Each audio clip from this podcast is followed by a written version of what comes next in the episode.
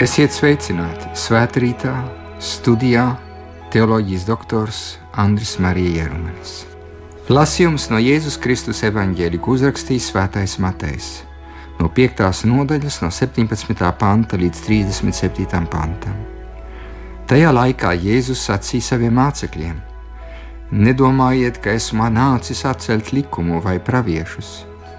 Nesmu nācis atcelt, bet gan izpildīt. Patiesi es jums saku, kamēr neizudīs debesis un zeme. No likuma nezudīs neviens burts, nedz rakstu zīme, iekams viss nebūs noticis. Tādēļ, ja kāds atmetīs kaut vienu vismazāko bausli un tā mācīs ļaudis, tas debesu valstībā tiks dēvēts par vismazāko. Bet kas to pildīs un mācīs, tas tiks atzīts par lielu debesu valstībā.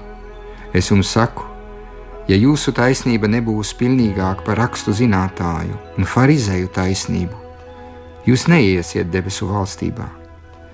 Jūs esat dzirdējuši, ka sentēviem ir sacīts: Tev nebūs nokaut, kas nokauj, tas ir nododams tiesai. Bet es jums saku, ik viens, kas dusmojās uz savu brāli, ir nododams tiesai. Bet kas saka savam brālim, nelga, tas nododams augstai tiesai bet tas, kas saka bezdievis, tas sodāms elles ugunīs. Tāpēc, ja tu nes savu dāvanu pie altāra un tur atminies, ka tavam brālim ir kas pret tevi, tad atstāj turpat altāra priekšā savu dāvanu un ej vispirms izlīgst ar savu brāli, un tad nāc upurēt savu dāvanu. Steidzies salabt ar savu pretinieku, kamēr jūs esat vēl ceļā, lai pretinieks tevi nenodotu tiesnesim, bet tiesnesis kalpotājiem un tevi neiemestu cietumā. Patiesi es tev saku, tu neiziesi no turienes, kamēr nebūsi atdevis visu līdz pēdējiem grasim. Jūs esat dzirdējuši, ka ir teikts, tev nebūs laulību pārkāpt, bet es jums saku, ik viens, kas skatās uz sievieti, to iekārodams, jau ir pārkāpis laulību savā sirdī. Ja tava labā acs pavedina tevi uz ļaunu, izrauj to un aizmet projām. Labāk tev zaudēt vienu no locekļiem, nekā visa tava miesa tiktu iemesta ellē. Un, ja tava labā roka pavedina tevi uz ļaunu, nocērt to un aizmet projām. Labāk tev zaudēt vienu no saviem locekļiem, nekā ar visu savu miesu nokļūt ellē. Ir sacīts, kas atraida savu sievu, lai dod viņai šķiršanās rakstu, bet es jums saku, ik viens, kas atraida savu sievu, ja vien tas nav netiklības dēļ, liek tai pārkāpt laulību bet kas šķirteni aprec, tas pārkāpj laulību. Jūs esat dzirdējuši, ka sentāviem sacīts, tev nebūs nepatiesi zvērēt, bet gan izpildīt savu zvērestu kungam. Bet es jums saku, nezvēriet nemaz ne pie debesīm, jo tās ir Dieva tronis, ne pie zemes, jo tā ir nolikta zem viņa kājām, ne pie Jeruzalemes, jo tā ir liela karaļa pilsēta. Nezvēri arī pie savas galvas, jo tu nevari nevienu matu padarīt baltu vai melnu. Lai jūsu runa ir jā, jā, nē, nē. Kas pāri tam, tas nāk no ļaunā. Tie ir svēto rakstu vārdi.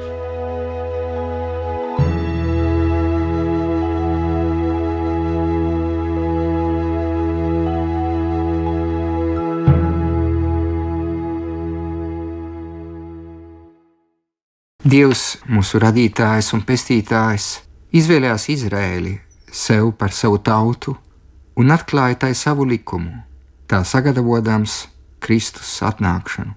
Šis mūzus likums izsaka vairākas patiesības, kas prātam ir dabiski aptverams. Tās tiek paustas un atzītas par patiesām pestīšanu nesošās derības ietvaros. Saskaņā ar kristīgo tradīciju, svētais garīgais un labais likums ir vēl nepilnīgs. Kā pedagogs tas norāda, ka vajag darīt, bet pats par sevi vien nedod ne spēku, ne gara žēlastību, lai to izpildītu. Grēka dēļ, no kā šis likums nevar atbrīvot, tas ir un paliek verdzības likums. Kā sacīs Svētais Pāvils, tā loma ir celt gaismā un izpaust grēku, kurš cilvēka sirdī veido iekāres likumu. Tomēr, šis likums paliek pirmais posms ceļā uz valstību. Tas sagatavo un noskaņo izvēlēto tautu un ikvienu kristieti uz atgriešanos un ticību dievam pestītājam. Tas sniedz mācību, kura pastāv mūžīgi, tāpat kā dieva vārds. Jēzus ir nācis izpildīt un piepildīt jūdu reliģiju, veco derību vai pirmo derību, kā to daži sauc. Jēzus neatcēla likumu, kas tika dots Sinaja kalnā, bet gan piepildīja to tik pilnīgi, ka atklāja tā galīgo jēgu. Viņš, uzsākot kalna sprediķi, ko varam lasīt Mateja Vāģelī sākumā, ar kalnu svētībām, kad viņš jaunās derības žēlstības gaismā sniedza pirmās derības laikā Sinai kalnā, dodot dieva likumu, svinīgi aizrādīja: Nedomājiet, ka es esmu nācis atcelt likumu vai praviešus. Nē, esmu nācis atcelt, bet gan piepildīt. Patiesi es jums saku, kamēr nezudīs debesis un zeme, no likuma neizudīs neviens burts, nedz rakstu zīme, iekams viss nebūs noticis. Tādēļ, ja kāds atmetīs kaut vienu vismazāko bausli, un tas mācīs ļaudis, tas debesu valstībā tiks dēvēts par vismazāko, bet kas to pildīs un mācīs, tas tiks atzīts par lielu debesu valstībā. Viņš piepilda tāpēc, ka ieved likuma dziļākā būtībā.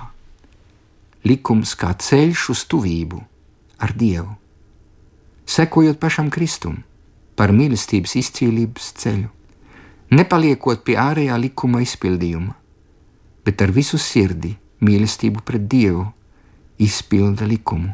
Viņš piepildīja arī tāpēc, ka radikalizē Dieva baušļus. Jūs esat dzirdējuši, bet es jums saku. Mēs šīs dienas evaņģēlijā dzirdējam, nu pat, kā viņš ievada katreiz ir rakstīts, jūs esat saņēmuši no centēviem, bet es jums saku. Un vairāk reizes mēs to dzirdējām.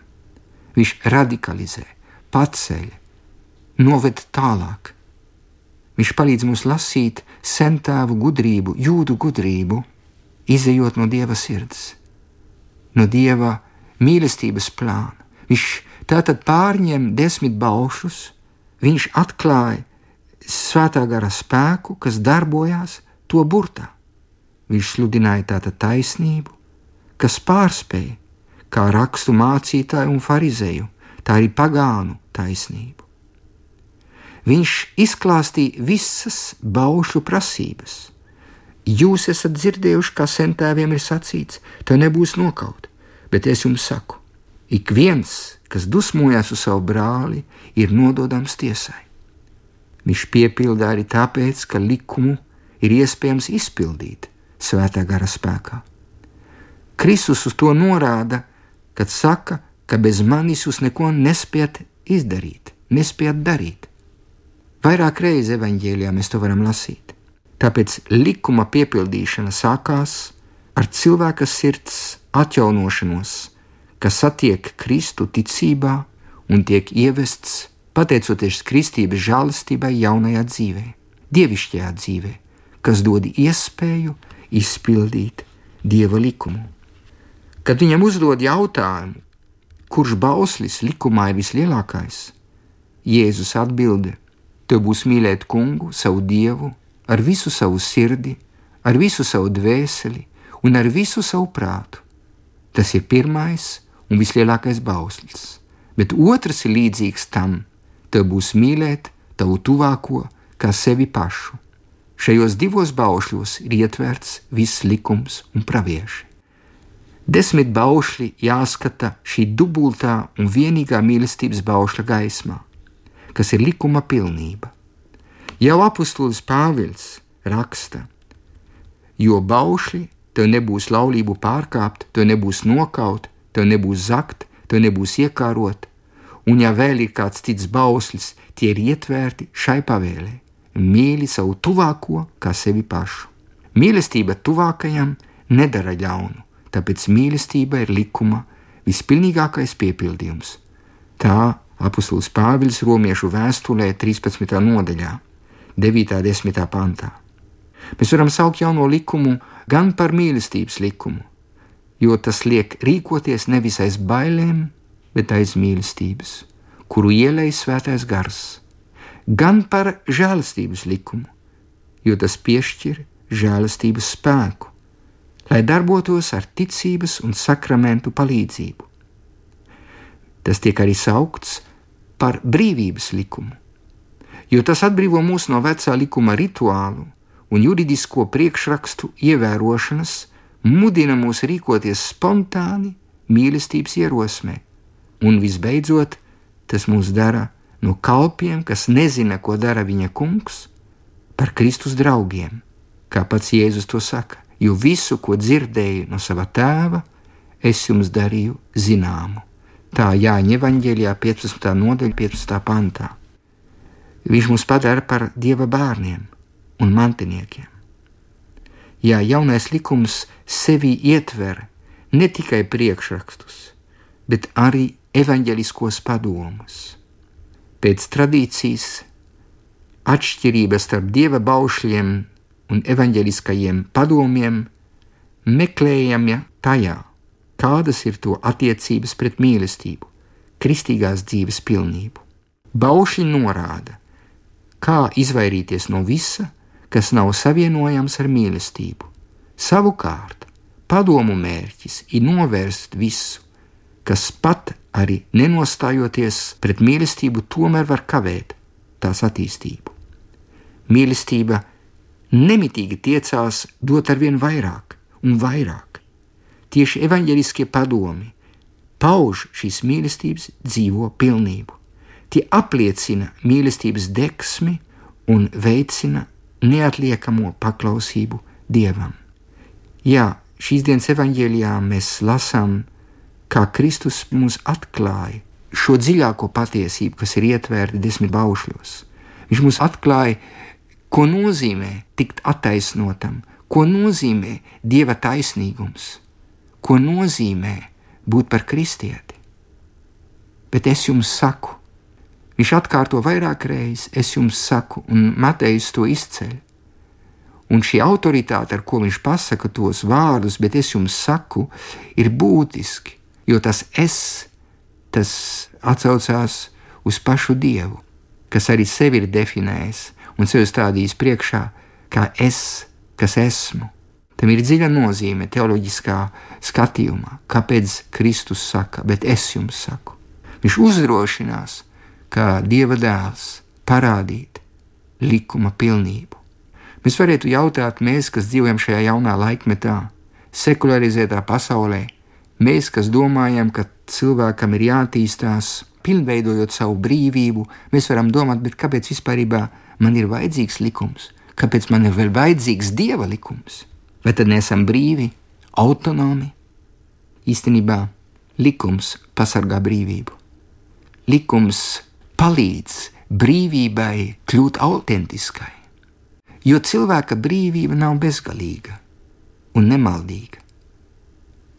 Mēs zinām, ka brīvība apstājās tur, kur iesākās otra cilvēka brīvība. Mēs zinām, ar cik brīvība ir trausla, tāpēc ka ļaunums to apdraud. Cilvēces vēsture kopš sava iesākuma liecina par nelaimēm un apspiestību, kuru cēloņi meklējami cilvēka sirdī, kā sekas sliktai savas brīvības izmantošanai. Brīvības izmantošana nenozīmē to, ka ir tiesības visu sacīt un visu darīt.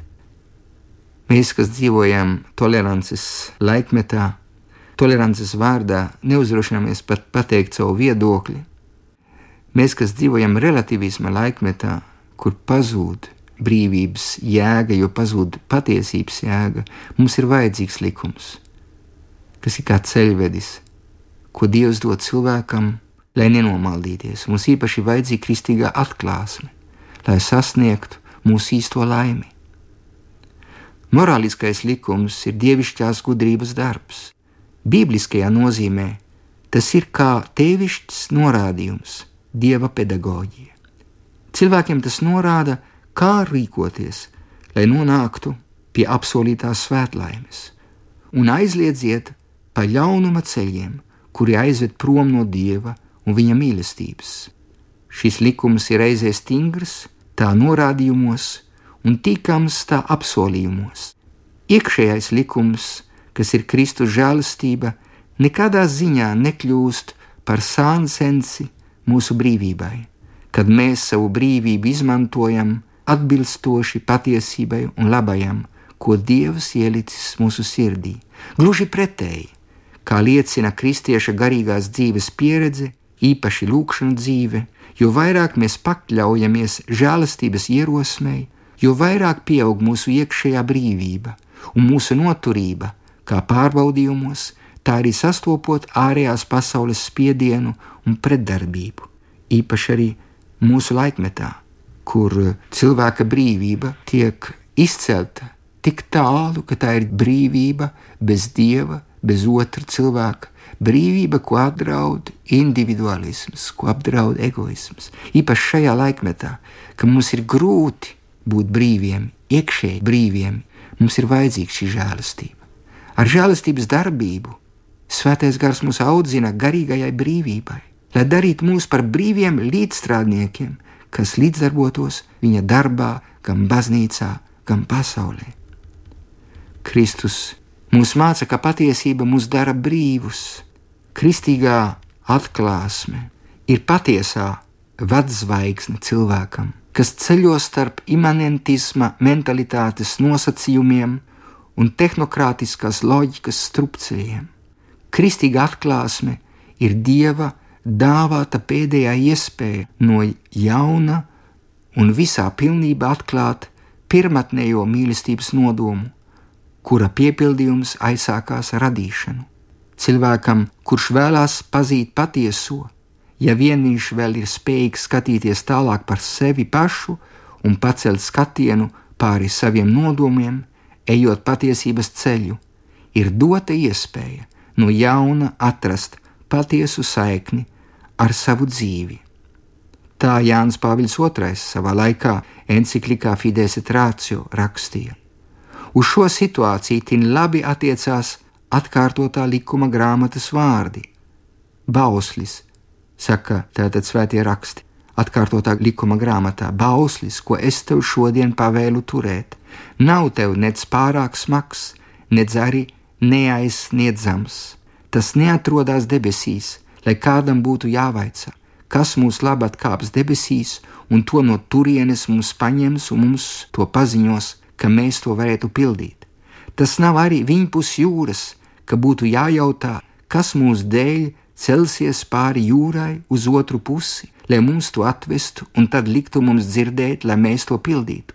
Nē, tas vārds ir ļoti tuvu pie tevis, tavā mutē un tavā sirdī, lai tu to godam turētu. Tā atkārtotā likuma grāmatā, 30. nodaļā, 11. līdz 14. pantām. Un ar šo tekstu saskan arī svētā filozofa un teologa Augustīna slavenā atziņa: Nei ārā, ieej sevī, cilvēka iekšienē mājo patiesība. Patiesība īstenībā, ko mums ļauj iepazīt atklāsme, nav prāta izstrādātas domas, nobriedis auglis vai kulminācija. Gluži otrādi, šī patiesība nāk kā nepelnīta dāvana, tā rosina pārdomas un lūdz, lai to uzņemtu kā mīlestības izpausmi, vēl saka Jānis Pāvils II.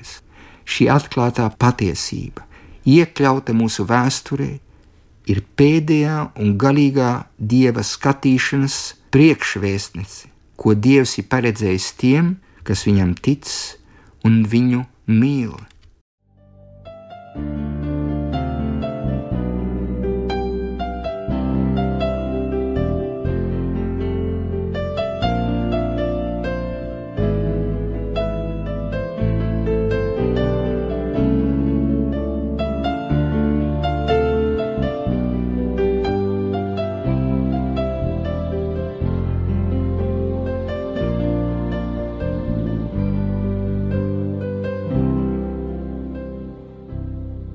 Mīlestības Dievs, Tu neapslēpi sevi klusumā, palikdams no mums tālu. Tu mūs uzrunāji uz kalna, Tu dāvāji mūzus likumu, ne jau tāpēc, lai mums uzspiestu smagu jūgu, bet gan lai mūs apgaismotu, lai dāvātu drosmu un spēku, lai ejot tavus ceļus, mēs atrastu laimi. Mēs slavējam tevi, Kungs, mūsu Dievs, par visiem tiem, kas šajā pirmajā derībā pieņēma tavu gribu un to izdzīvoja, sākot ar Abrahāmu, mūsu tēvu ticībā, līdz pat pēdējiem no taviem praviešiem Mēs slavējam tevi par Mariju, paklausības paraugu, kurai pildīt tavu likumu nozīmē prieku. Slava tev par Jāzepu, taisnīgo sirds nabadzīgo, ieklausīšanās un uzticības vīru, par viņu, kurā mājoja liels iekšējs prieks. Mēs slavējam tevi pāri visam par tavu dēlu, tavu mūžīgo vārdu, kurā tu mums esi dāvājis visu Paldies par neskaitāmajiem tavu svēto pulkiem.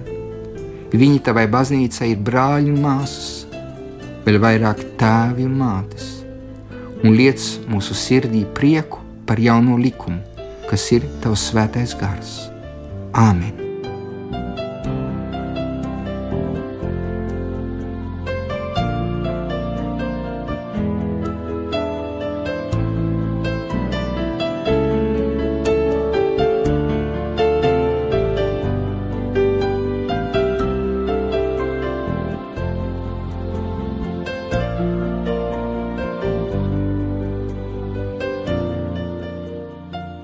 Svētrītā kopā ar jums bija teoloģijas doktors Priesteris Andris Marija Jerumanis.